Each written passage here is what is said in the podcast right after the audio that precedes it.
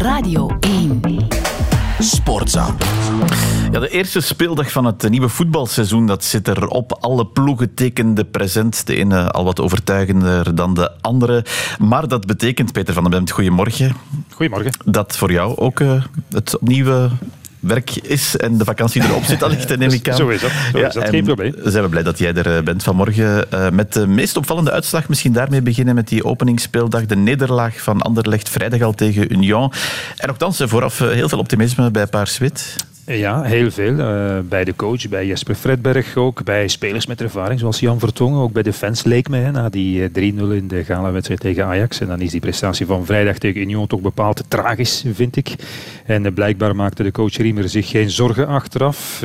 Coach en spelers hadden ook een goede tweede helft gezien, waarmee ze dan voort konden. Maar dat was wat mij betreft toch nog altijd gewoon zeer middelmatig. Wat doelloos balbezit, nauwelijks dreiging.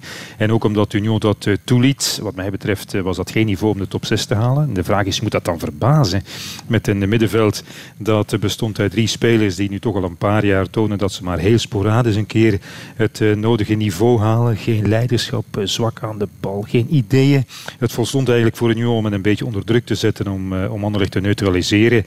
Maar ook op de flanken met Amuzu en, en Draaier ja, waren niet op de afspraak. Achteraan rammelde het voor de rust langs alle kanten, want 3-0 had gewoon ook gekund voor Union, hè, halfweg die wedstrijd. Nee, zelfs na zeven weken voorbereiding, of meer zelfs, was dit uiteraard, met, met uiteraard veelal dezelfde ploeg ook als, als vorig seizoen, meer van hetzelfde.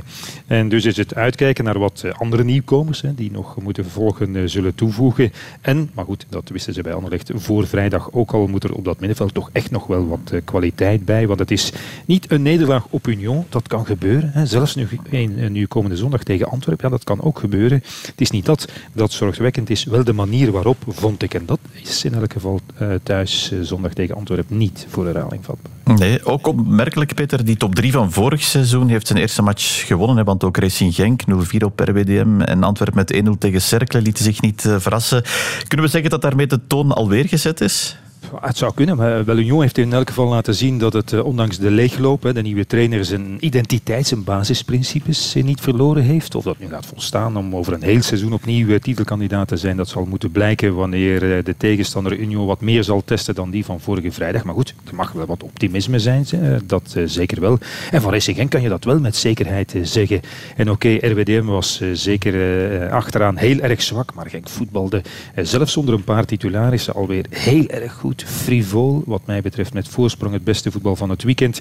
Er staat gewoon een, ja, een gerodeerd, soepel draaiend elftal. Genk heeft nu ook een, een, een, bredere kern eigenlijk. Bijna alle posities zijn dubbel bezet. Alleen het duel van woensdag eh, tegen Servet Genève is natuurlijk van heel erg groot belang hè, met het oog op de Europese toekomst. En dat is toch een werkpunt, gaf Verheijnen overigens ook al aan de captain. Al die kansen voor de Zwitsers al in de heenwedstrijd dinsdag, ook voor RWDM zaterdag, twee keer tegen het kader, terwijl Genk in die twee wedstrijden duidelijk de betere ploeg was, ja, die houden toch een waarschuwing in voor woensdag. Er moet gewoon scherper verdedigd worden om al dat offensieve, om al die offensieve frivoliteit te laten, te laten renderen. En wat de kampioen betreft, Antwerpen, ja, die deed het zuinig met een stevige organisatie. Dat hebben ze vorig jaar ook wel vaker zo gedaan. En die ploeg is duidelijk nog niet af. Dat is anders dan uh, Racing Genk.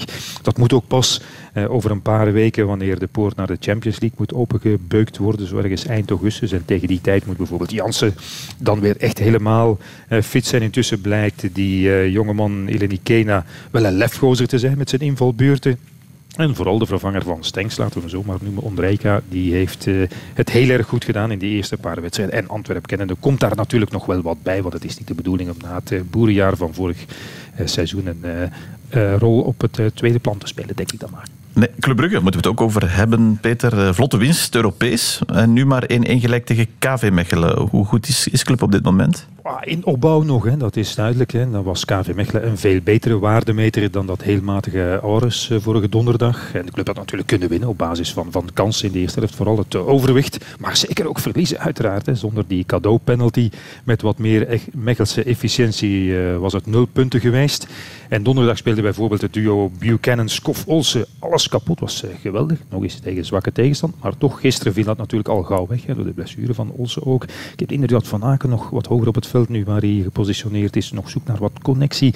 In de spits, Thiago, we hebben die vorig jaar gezien, is zeker een uh, talent, maar donderdag viel het al op dat hij, ondanks zijn geweldige gabarit, toch veel duels verloor. Vooralsnog een wat moeizame balbehandeling, dat moet allemaal beter. Ook voor Maxime de Kuiper, die zet dan de stap van Westerlo en naar Club Brugge verdedigend, moet hij nog uh, stappen zetten. Dan is het vervelend dat die rode kaart eraan komt. En zoals de coach ook al aangaf, na de rode kaart was het ineens wel heel erg open deur achterin bij Club Brugge. Doelman Mignolet ging in de fout, vond ik, bij die vrije trap. Enfin, dus veel ruimte nog voor verbetering en versterking ook, neem ik aan, zeker achteraan. Maar er is ook nog wel wat tijd, hè, want in de belangrijkste competitie die Club Brugge nu moet afwerken, eh, de Europese, eh, is Ores eigenlijk al opzij gezet. En ik denk dat de tegenstand eh, in de volgende ronde uit IJsland komt. Dat moet ook nog wel lukken. Ja, en ook A-agent heeft zwaar zijn eerste match van het seizoen gewonnen, Peter. Dat was lang geleden blijkbaar. 3-2 tegen Kortrijk. Agent wil dit jaar meedoen, zo zei coach van Hazenbroek.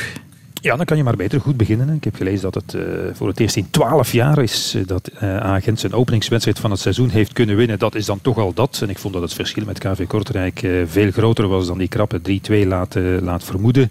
En er kan zeker ook nog beter gevoetbald worden, efficiënter gevoetbald worden. Dat is allemaal waar. Maar ik vond het toch gewoon een goede prestatie van Agent. En als iedereen fit is, heeft Gent gewoon in mijn ogen echt wel een goede ploeg. Met veel kwaliteit, met stevige verdedigers centraal achterin. Torunariga Kandus komt daar ook nog bij. Watanabe, uitblinker bij Kortrijk eh, vorig jaar. Uh, voetballend vermogen, spelintelligentie, beetje frivoliteit. Zo met die jonge Fofana en Tissoudali.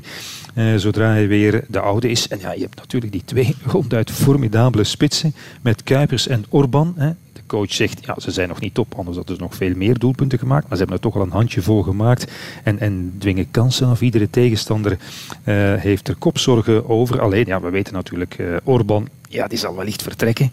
En een vergelijkbaar fenomeen, dat gaat morgen niet meteen op de stoep staan, denk ik. Dus dan is het toch weer een beetje afwachten. Wat doet zijn vervanger? Hoe snel is Tissoudali weer in orde?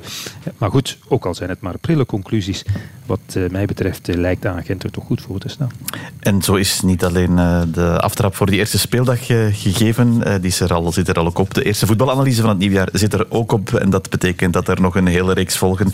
En daar mogen we altijd bij jou voor aankloppen, Peter van den Bemt. Dankjewel. Sportza.